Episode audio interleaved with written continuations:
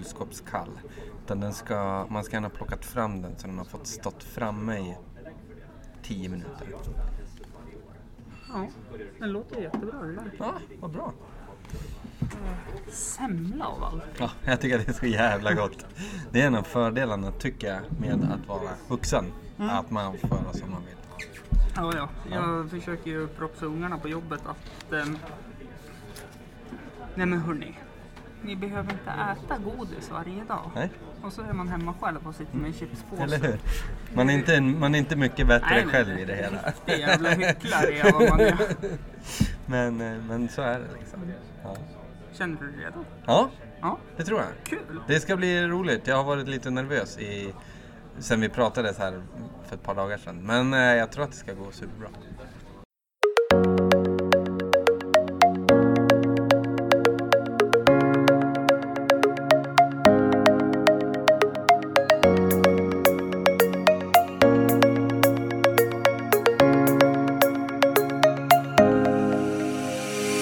Avsnitt 143. Mm, ärad. Ärad är jag. Bjuden på 200 avsnittsfesten då. Daniel Hermansson, Stämmer? välkommen. Tack. Till mitt eh, runda bord, eller ska man kalla det rektangulärt nu? Idag är det rektangulärt. Vi hade inga runda. Nej, och på ditt ställe. Mm, Som heter? Artut. Ja, Artut, pizza och bärs. exakt. Mm. För det var väl så det lanserades, Pizza och Mm, mm. helt enkelt. Stämmer. Ja. Och det är snart två år sedan vi öppnade. Mm. Det är två och ett halvt år sedan jag kläckte idén för min, för min kompanjon. Vilket vi kommer in på sen, Ah, tänker jag. mm. Jag skriver upp lite. Ja, du ser. Ja. Jösses. Eh, innan vi kör igång Mm. så tänkte jag fråga vart man kan hitta er på sociala medier. För lyssnarna brukar stänga av när man säger det i slutet. Så jag börjar ta det i början. Mm, mm. Och då finns ju vi på Facebook och Instagram Mm. under namnet Artut. A-R-T-U-T. Mm. Och det är ju faktiskt eh, sjukt imponerande att ni kunde ha det namnet Mm. och att ingen hade tagit det. Det tycker vi också. Klassiskt jämtländskt. Ja. Och uh, det är bara de två sociala, alltså det är bara de två medierna vi har. Vi har ingen hemsida eller någonting. Utan Men måste man ha det då? det känns inte som att man behöver det idag för att du Nej. får ut all information mycket snabbare via Facebook. Ja, och Instagram nästan nu för Facebook håller på att dö ut lite grann. Som jag. Ja, jag personligen så använder Instagram mycket mer än vad jag använder Facebook för jag tycker att Instagram är en roligare plattform. Ja. Nej, jag är ju- så illa tvungen att ha det för Mm. Innebandygruppen, skri- det skrivs ju där och jag är så less på Facebook. Men i det avseendet, informationsflödet sinsemellan då är Facebook bättre tycker jag. Typ en Facebook-chatt. Så är det ju, Mm. absolut. Men vem är du då? En enkel fråga Mm. börjar vi med. Det är superenkelt att svara på. Jag är en en Torvallabördig snubbe. Mm. Född mitten av 80-talet. Mm. Eh, uppvuxen på Ängsmågården, Torvallaskolan. Eh, idag är jag en hårt arbetande småbarnspappa. Mm. Lever med min sambo. Eh, egen företagare. Fotbollsintresserad. Mm. Ölintresserad. Eh, glad. Ja, Det är jag. Bra sammanfattning. Ja, det är jag. Det, det, hoppsan, den där kan vi stänga av ljudet på. Ja, men det... Jag vart chockad. Du sa att du var nervös, men du svarade ju... Ja, men nu har man ju... Ja, jo, så, så kan det ju vara. Lugna nerverna lite Ja. grann. Eh, jag vet ju att du har jobbat i utelivet i Östersund väldigt länge. Mm. Eh, vad är det för något som lockar östersundarna att gå ut här Östersund? Oj. Tycker du? När jag började jobba inom krogbranschen i Östersund 2005 kontra idag då 15 år senare så är det väl, det är helt skilda saker. Idag så tycker jag nog att en, alltså, Östersundaren är så väldigt, väldigt mycket mer kvalitetsmedveten. Jag tror att Östersundaren idag letar sig ut där man får liksom, man är beredd att betala en lite högre peng för att få en bättre produkt för att man är mer medveten om vad man äter. Eh, så Mm. Det tror jag är väldigt viktigt. Sen att Östersund, Jämtland är så väldigt, väldigt duktig på mathantverk. Mm. Men Det tror jag är någonting som Östersundarna är väldigt stolta över och man gärna vill gynna gubben Jansson i Fullinge eh, och köper hans liksom, produkter. Därför går man ut till Östersund och äter mat. Ja men precis, för det vet jag ju att eh, diskarna på ICA om inte annat om man tar köttindustrin då Mm. som jag inte är så stort fan av längre. Men det är oftast att eh, den lokalproducerade, den hyllan är oftast tom Mm. först. Sen går man på svenskt. Mm. Sen ligger det danska kvar och det gammalt. Och det känns ju, alltså vad jag själv har ändrat, det har ju liksom lite med egen privatekonomi också. Men Jo, jag skulle aldrig idag köpa det danska. Nej. Jag väljer det jämtländska först. Eh, och det är liksom både kött och ost och Ja, i den mån grönsaker. Ja det finns. också. Och det tror jag de flesta gör idag. Ja. Eh, vi är ganska patriotiska vi jäm- Ja, jämtlänningar. jag har ju, har fått några nya kompisar här. De säger det, vi är ju inte jävligt lätta att hantera. vi härifrån. Nej. Och jävligt egna. Ja. Och håll oss gärna i en sluten grupp.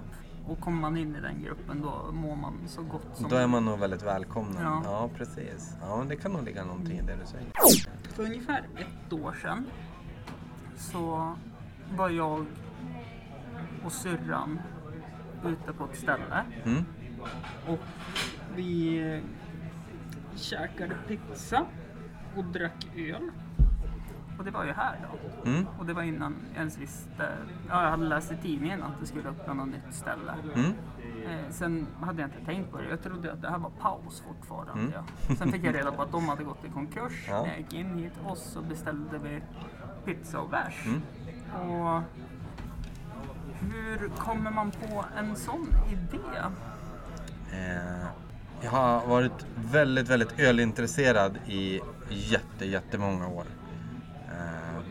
Mycket för det småskaliga, hantverksmässiga öltypen, inte, inte kvantiteten. Eh, och när jag började att jobba på res- i restaurangbranschen så kände jag att jag vill ha en egen krog en vacker dag. Hur jävla svårt kan det vara? Eh, och när läget väl dök upp så kändes det som väldigt givet att hantverksöl är det jag ska ha i fokus. Mm. Det är det som är min viktigaste ståndpunkt. Så måste vi servera käk till det. Mm. Och vi var inne på ett annat matspår till en början. Men sen så fastnade vi för pizza. För pizza är min favoritmat. Ja. Och kan pizza vara någonting annat än en capricciosa? Ja, det har ju andra restauranger visat att det går. Mm. Då kan vi också leverera en schysst liksom, pizza. Och idag så försöker vi att vi jobbar väldigt mycket med matlagning här. Det är inte bara en pizza utan vi gör allting själva i köket. Vi kokar allting själva. Vi, allting gör mina Kockar. själva. Mm. Precis. Eh, så idag är vi jävligt stolta över det vi pysslar med. Mm. Eh, men så, ja. Jag vill ändå komma tillbaka lite till det här med östersundare Mm. och utelivet. För jag pratade med en annan krögare, eh, varit med tidigare, Mm. Wilhelm Svan heter han. Mm. Eh, och han sa det att vi jämtlänningar, vi är väldigt rutinstyrda. Mm. Att man går på sitt favoritställe och käkar. Mm. Sen går man på favoritpubben eller nattklubben och sen går man hem. Hur gör man då för att slå sig in på stadskärnan, som jag kallar det, som bara är restauranger nu för tiden i Östersund? Ja, det är kul att Wilhelm kallar sig för vi jämtlänningar, för han är ju skåning för det första. Nej, men jag tänkte han sa det ni, Ja. men jag tänkte säger vi. Eh, ja, alltså. Jag håller helt med. Jag tror att människan av natur är en vanemänniska. Mm. Man hittar en favoritpub, man hittar en favoritmataffär, en klädbutik, Mm. en kompis, ett, ett kaffemärke. Och man kan ibland vara ganska...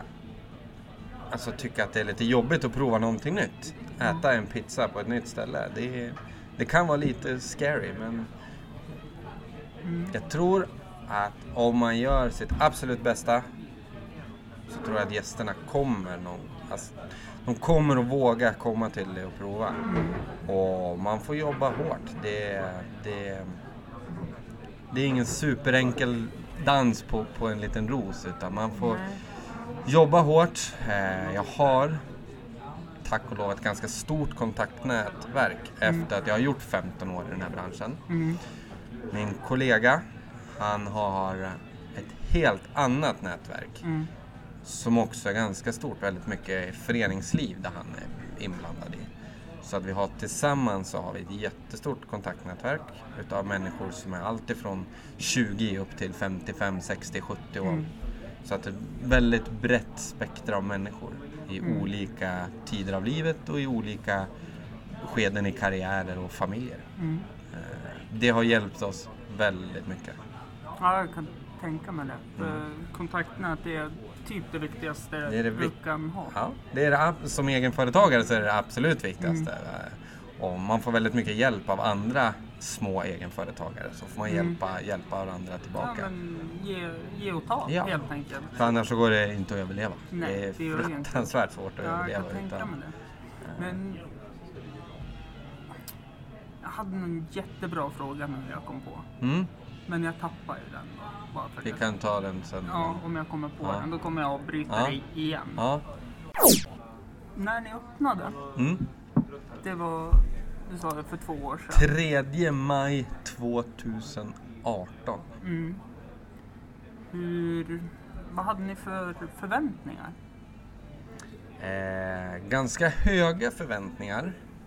Vi trodde att Artet skulle vara den självklara platsen att gå ut och dricka öl på. Mm.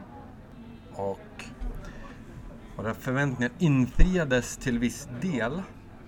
Men vi hade så fruktansvärt mycket mer matgäster än vad vi någonsin hade kunnat räkna med. Mm. Så där halkade vi lite efter. Så första halvåret så var det den, den positiva anstormning, stormningen av matgäster Mm. var väldigt, väldigt rolig. Och vi fick en respons som var helt, helt enorm. Och äh, de förväntningarna som vi skrev i våran verksamhetsberättelse när vi satt och grundade företaget. De har vi idag nått upp till mer eller mindre. Mm. Eh,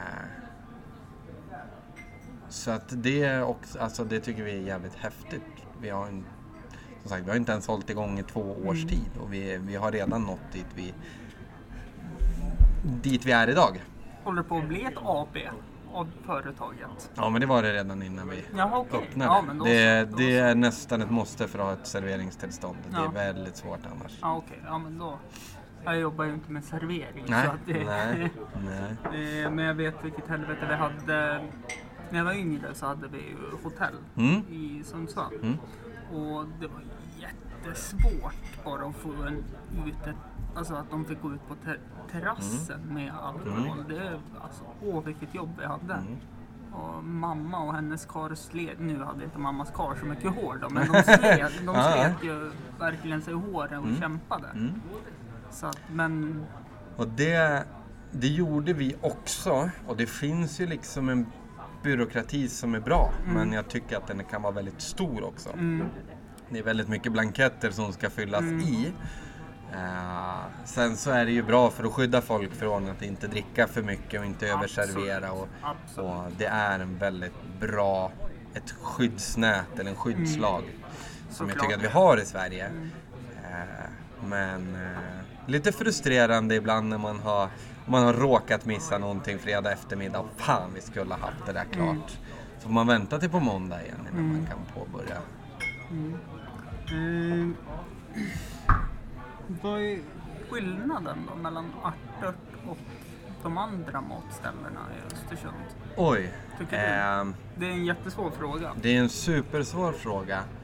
Eh, jag tycker, för det första så tycker jag att det finns fantastiskt många jättebra krogar i Östersund. Det är väldigt hög kvalitet på, på mat som serveras och, och dryckesupplevelser och serviceupplevelser och utbud. Eh, det jag tycker skiljer Artut ifrån de andra då, det är nog kanske en helhetsupplevelse. Vi vill langa liksom schysst käk i en trevlig miljö med liksom ett jävligt glatt, avslappnat humör. Mm, för det, om jag får avbryta nu, Ja. tänkte jag på, var det förra fredagen jag satt här? Ja. Eller var det två fredagar, två Mm. fredagar sedan var det. Satt jag här, hade varit på innebandy och så satt jag med lite längre bort. Mm. Och då tyckte du att nej, men kom och snacka med oss i baren istället. Jag satt ju bara och väntade på att få gå vidare. Mm. Eh, rolig anekdot där för dig då. Mm. Tänkte gå hit dagen efter för jag kom inte hem förrän halv tolv. Så jag tänkte, Ja. Men, eh, nej men och det var jätteuppskattat tyckte jag Mm. som satt själv och kollade igenom telefonboken Mm. vem jag skulle ringa till. Mm. Och så fick man kontakt med andra i baren och snacka skit. Och så där har det liksom blivit att vi har ett jävligt bra gäng med gäster som hänger här ett par, tre, fyra kvällar i veckan. Vissa fler gånger, vissa färre gånger. Eh, Och ibland så kommer mina stamgäster bara in, tar en kopp kaffe medan de väntar. Men eh, de har blivit så pass många så nu, kan man, nu inkluderar man allihopa. Så att det är en väldigt bra stämning. av- och- Alltså, och det är ju mina stamgäster som gör den här bra stämningen. Och det är de som gör att det blir jävligt roligt när man går och arbetar. ja, För att jag har jävligt roliga gäster. Det förstår jag. Och så som utomstående, nu var jag andra gången jag var här Mm. sist. För två veckor sedan. Och då... ehm, ja men då vart det, det vart som att man vart inkluderad Mm. som utomstående Mm. också. Så jämtarna är ju inte, eller så kände de på sig att jag var jämte själv. Ja. ja. Nej men jag tycker sånt där är trevligt. Jag vill att alla ska känna sig... Att man läser mycket om att alla ska känna sig välkomna, alla ska känna sig hemma. Jag tycker att här på Artet så har vi fått till en sån bra stämning att folk verkligen gör det. En, en generell fredag eftermiddag när jag står här och jobbar så känner jag sjut- Alltså sju av tio av mina gäster som är här inne på after work, i- under after work-tid, de känner jag till liksom till namn och alltså vad de brukar vilja dricka, i princip vilken stol de vill sitta på när de kommer på sin Okej. after work. Eh, och det tror jag så, du som gäst tycker är väldigt bekvämt. Ja, verkligen. Här har jag min Det- fredagsöl på min favoritstol och där står Danne och liksom surrar skit. Mm. Det tror jag att du som gäst tycker är väldigt trevligt. Ja, det känns ju... Det känns ju mer, hur ska man säga? Eh, försöker hitta ett bra ord. Det känns mer mänskligt Mm. än på andra ställen där man får gå till bardisken, Mm. beställa en bärs Mm. och sen gör Precis, för det där- något annat. Det har jag själv upplevt någon gång. Man går ut i en bar Mm. och så blir det så att man kommer fram till bardisken och så får man nästan säga hej ursäkta, skulle Mm. jag kunna få lite service? Jag vill bara köpa en öl, sen kan du fortsätta titta på Snapchat Mm. så ska jag gå. Och så, vill, så får inte mina gäster känna för att då, då har jag gjort ett sånt så jättemycket fel så att nej, så inte i min bar. Här ska folk känna sig Mm. sedda på en gång när de kommer in. För det, jag tycker att det är en viktig grej. Jag vill själv bli sedd när jag kommer in. På. Och det handlar inte bara om restaurangbranschen, det han- handlar ju om i alla branscher. Ja, ja men så är det. Bara att få ett hej om du kommer in på din lokala matvarubutik eller klädbutik är ju... Mm. Det gör Jo, väldigt mycket. Det är ju jättemycket och Ja. det är som du säger vanliga livet. Jag tänker på ungarna på jobbet. Mm? Hejet jag ger dem kanske gör hela deras Ja, dag. ja, och vice versa. Hejet man får av en kid, det kan ju vara asnice.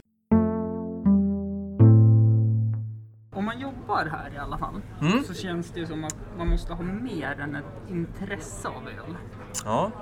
Eh, vad har du för relation till öl mer än att du håller på Hammarby? Och Hammarby är ett dryck som jag vet inte vad.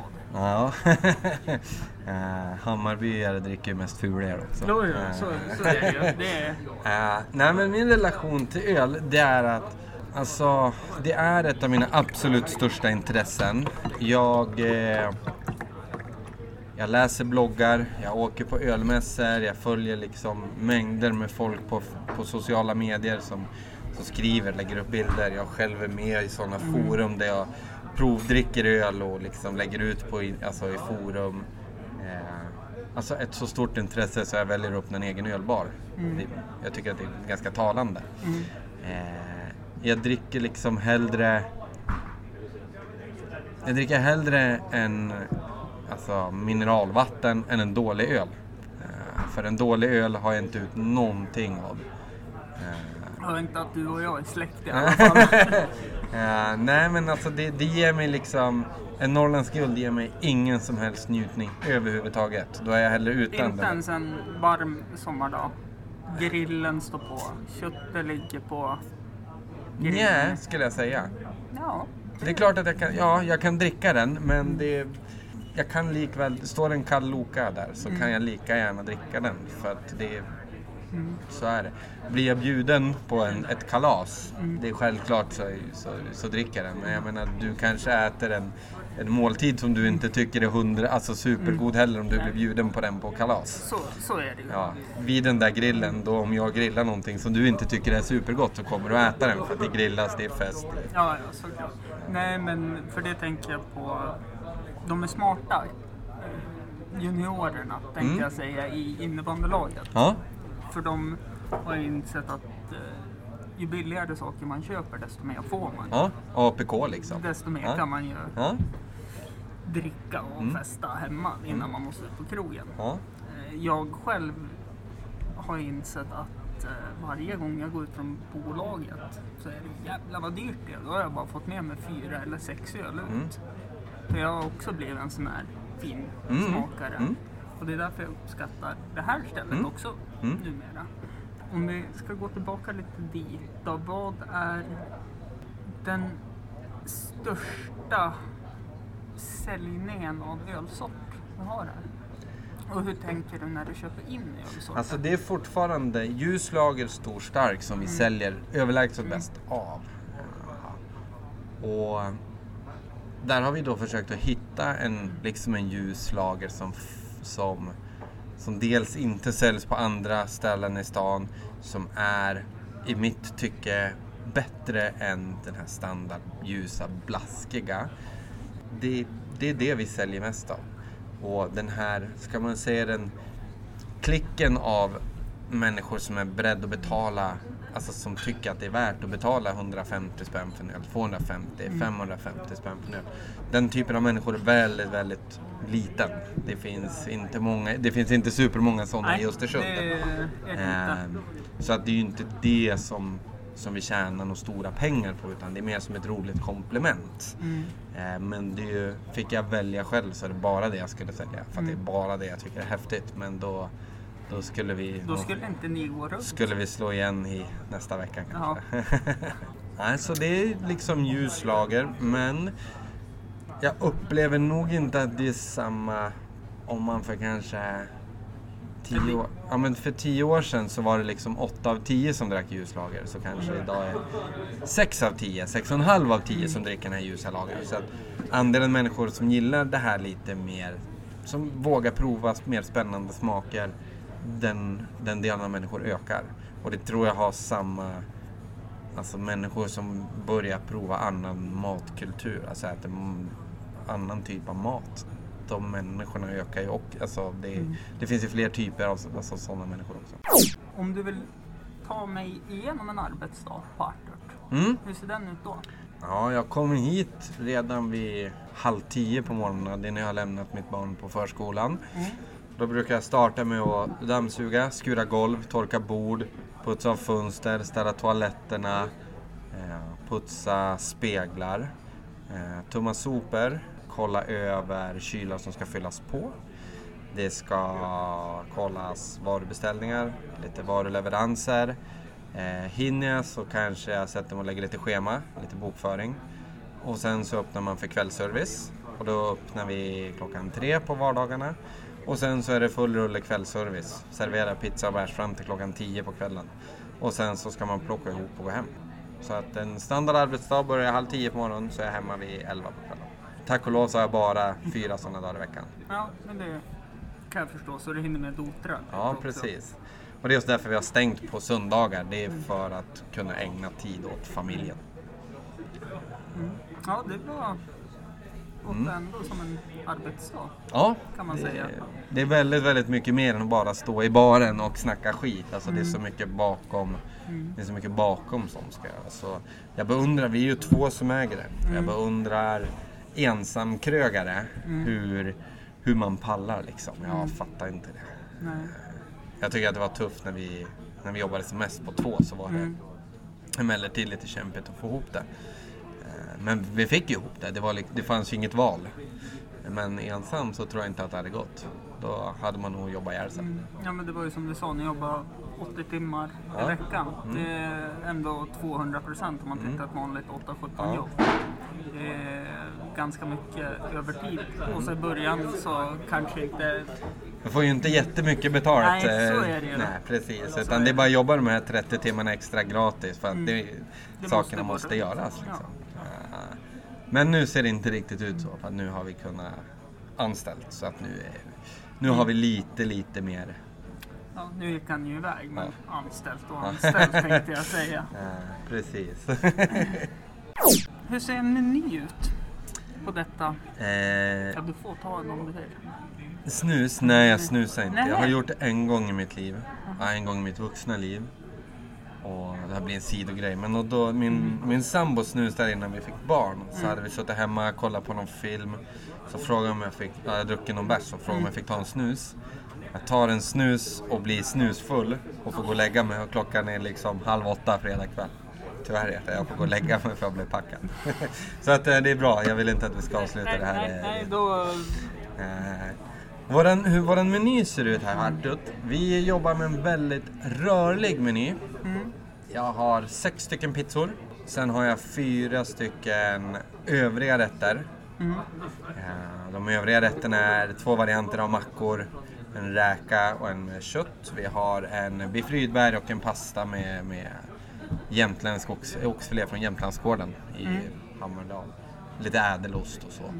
Men eh, det är pizzorna som vi jobbar mest med. Mm. Eh, bara sex stycken på vår meny. Där vi varannan vecka byter två pizzor. Okej. Så att vi uppdaterar vår meny varannan vecka. Mm. Och det är för att du som gillar våra pizzor ska måste komma hit varannan vecka och prova de två nya pizzorna som kommit på menyn. Så Smart. ja, men och det gör att det blir lite lättare att följa lite säsong. Mm. Eh, man kan köpa liksom det som våra... Vi handlar väldigt mycket kött av just Jämtlandsgården. Mm. Och när de kan säga då att vi har den här styckdetaljen hemma, så här många kilo. Mm. Då, då tänker vi att det här räcker ju i två veckor. Så då, bakar vi, då hittar vi på en ny pizza med just den här råvaran så får vi använda upp den. Så Mm. behöver inte den gå till spillo för dem på något vis. Så Mm. Vi köper liksom vi försöker leta säsongsbetonade råvaror. För det smakar ju bäst på, alltså under sin odlingssäsong. Ja. Ja. Så att lite så ser vår meny ut. Och uh, vi handlar väldigt mycket råvaror härifrån närområdet. Vi åker till, till eh, Rastens bymejeri och handlar ost av dem någon gång i veckan. Vi köper fläsk från Ängelskärk. Vi, ja, nötkött från Jämtlandsgården. Det är potatis från Rödön. Eh, så att ja, ostar från Skärvången. Så att det är liksom, vi köper mycket. Det är jämtländskt. Ja, precis. Det är lokalt Ja. hela vägen. Ja, inte riktigt hela Nej, för det är skitsvårt. Ja. Men eh, och det här är också för att jag är själv ganska lokalpatriotisk. Jag vill att de här mathantverkarna ska leva vidare. Mm. Och nu handlar det ju inte om några monstervolymer som vi handlar. Det är ju Nej. ingenting som gör att de kan tälja guld. Men kan de liksom ha en lite, lite Ja, drägligare tillvaro. till, Ja. till. Och kan fler göra det så mår ju de här små lokala mathantverkarna ännu bättre. Och det tycker jag är jävligt viktigt för, för, för Jämtland. Mm. Att, eh, Ja, men om inte leva. annat så blir det ju en ekonomi. ja, precis. Vi skapar ju arbete Mm. här i, Jämtland. Och det. är ju ganska viktigt. Eh, inte bara för mig, men alltså jag har barn. Hon behöver ju ett jobb när hon blir stor. Så är det ju. man får se det Vad lite var det du sa för två veckor sedan? Hon skulle gå på Cambridge eller Ja. vad var det? men det är för att du dricker så mycket öl här så Ja. att det kommer jag ha råd med. Det är tur att jag är här så ofta då. Ja. Ja. Eh, nej men så lite så ser vår meny ut. Och det är, jag har två, vi har två stycken anställda kockar som jobbar väldigt mycket med att laga mat, att provlaga grejer, att utveckla vad kan vi göra bättre. Mm. Så förfinar de en produkt och så börjar de att titta på nästa. Hur kan vi göra det här ännu bättre? Jag är väldigt, väldigt nöjda och väldigt stolta över de, de eh, mina kockar som vi har här. Mm. Hör du, du sa patriotisk. Vi ska byta lite grann nu tänkte jag. Mm? När du berättar för nya ansikten att du inte håller på ÖFK. Mm. Vad får du för reaktion? Nej, inte så mycket faktiskt. Jag har följt Hammarby hela mitt liv. Mm. Alltså ända sedan jag var liten. Så har det liksom varit... Jag vet inte, jag har alltid gillat Hammarby. Mm. Och jag gillade Hammarby alltså innan ÖFK grundades 1996. Ja. Så att, sen, jag tyckte att det var väldigt roligt när det gick väldigt bra för ÖFK. Och det är ju också en sån här grej som blir väldigt bra för hela Jämtland. Alltså det Ja, skapas ju väldigt mycket, mycket hype runt området. Det, det skapar arbeten, det skapar ekonomi. Vi alla vinner på att ÖFK går bra. Utom ÖFK då? Utom ÖFK, obvious. Eh, men nej, jag får inte, alltså jag har aldrig... Första åren när ÖFK Hammarby började mötas i Superettan. så tror jag att det gick sex matcher och Hammarby kunde inte vinna. Och det brukade man få lite gliringar för. Mm.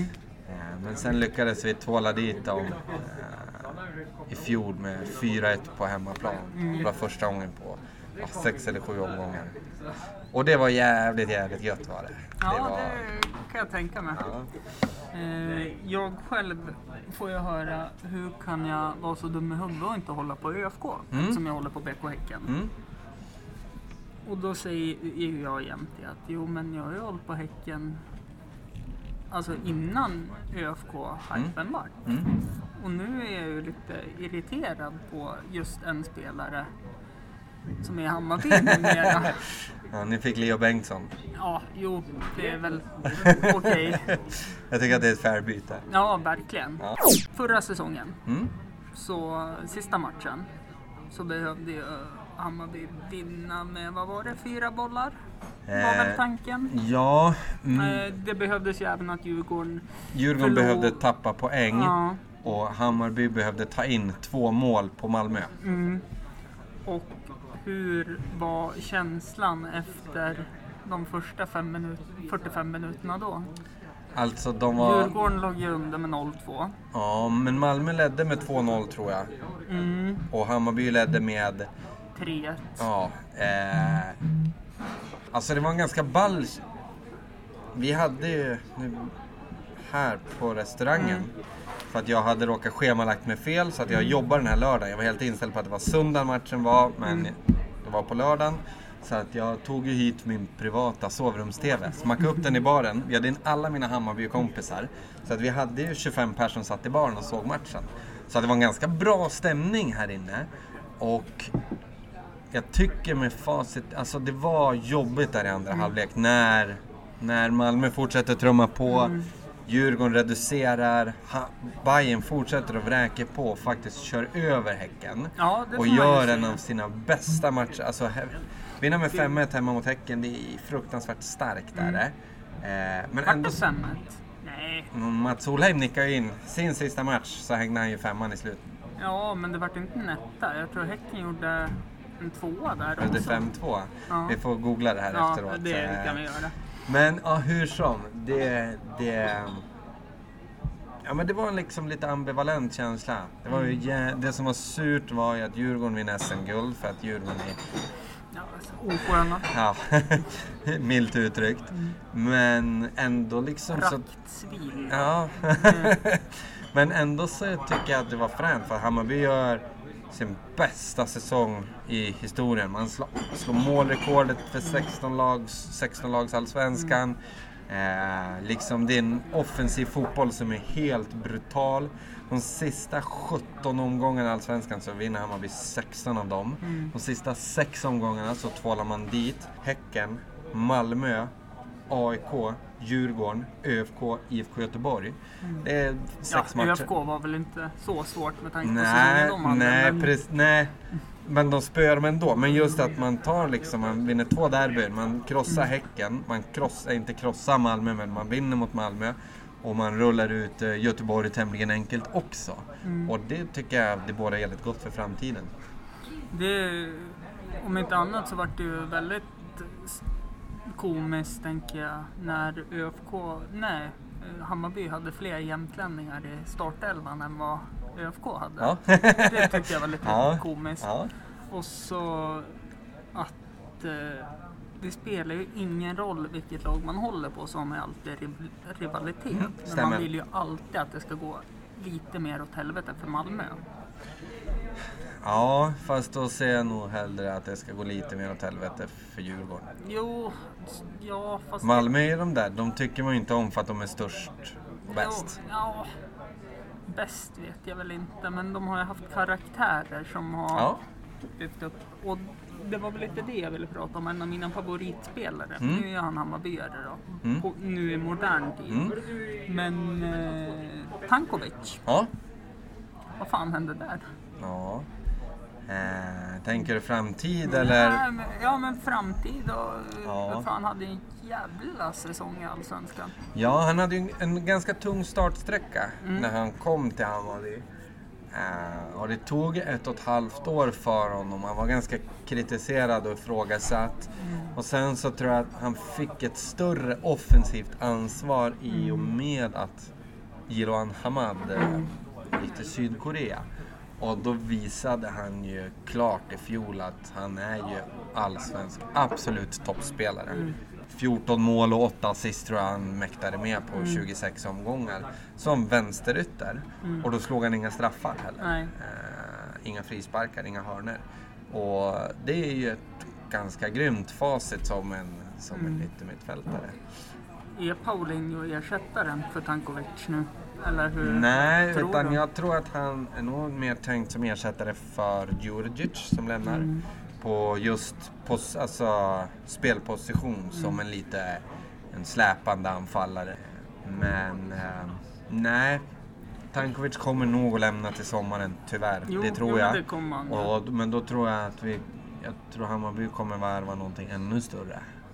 Så jag skulle inte bli förvånad om Hamad kommer hem eller Jimmy Durmaz. Eller, jag tror att de kommer landa en ganska stor Mm. värvning i så fall. Eh, nu ska vi se, är det Dormas eller är det Senging som har lite...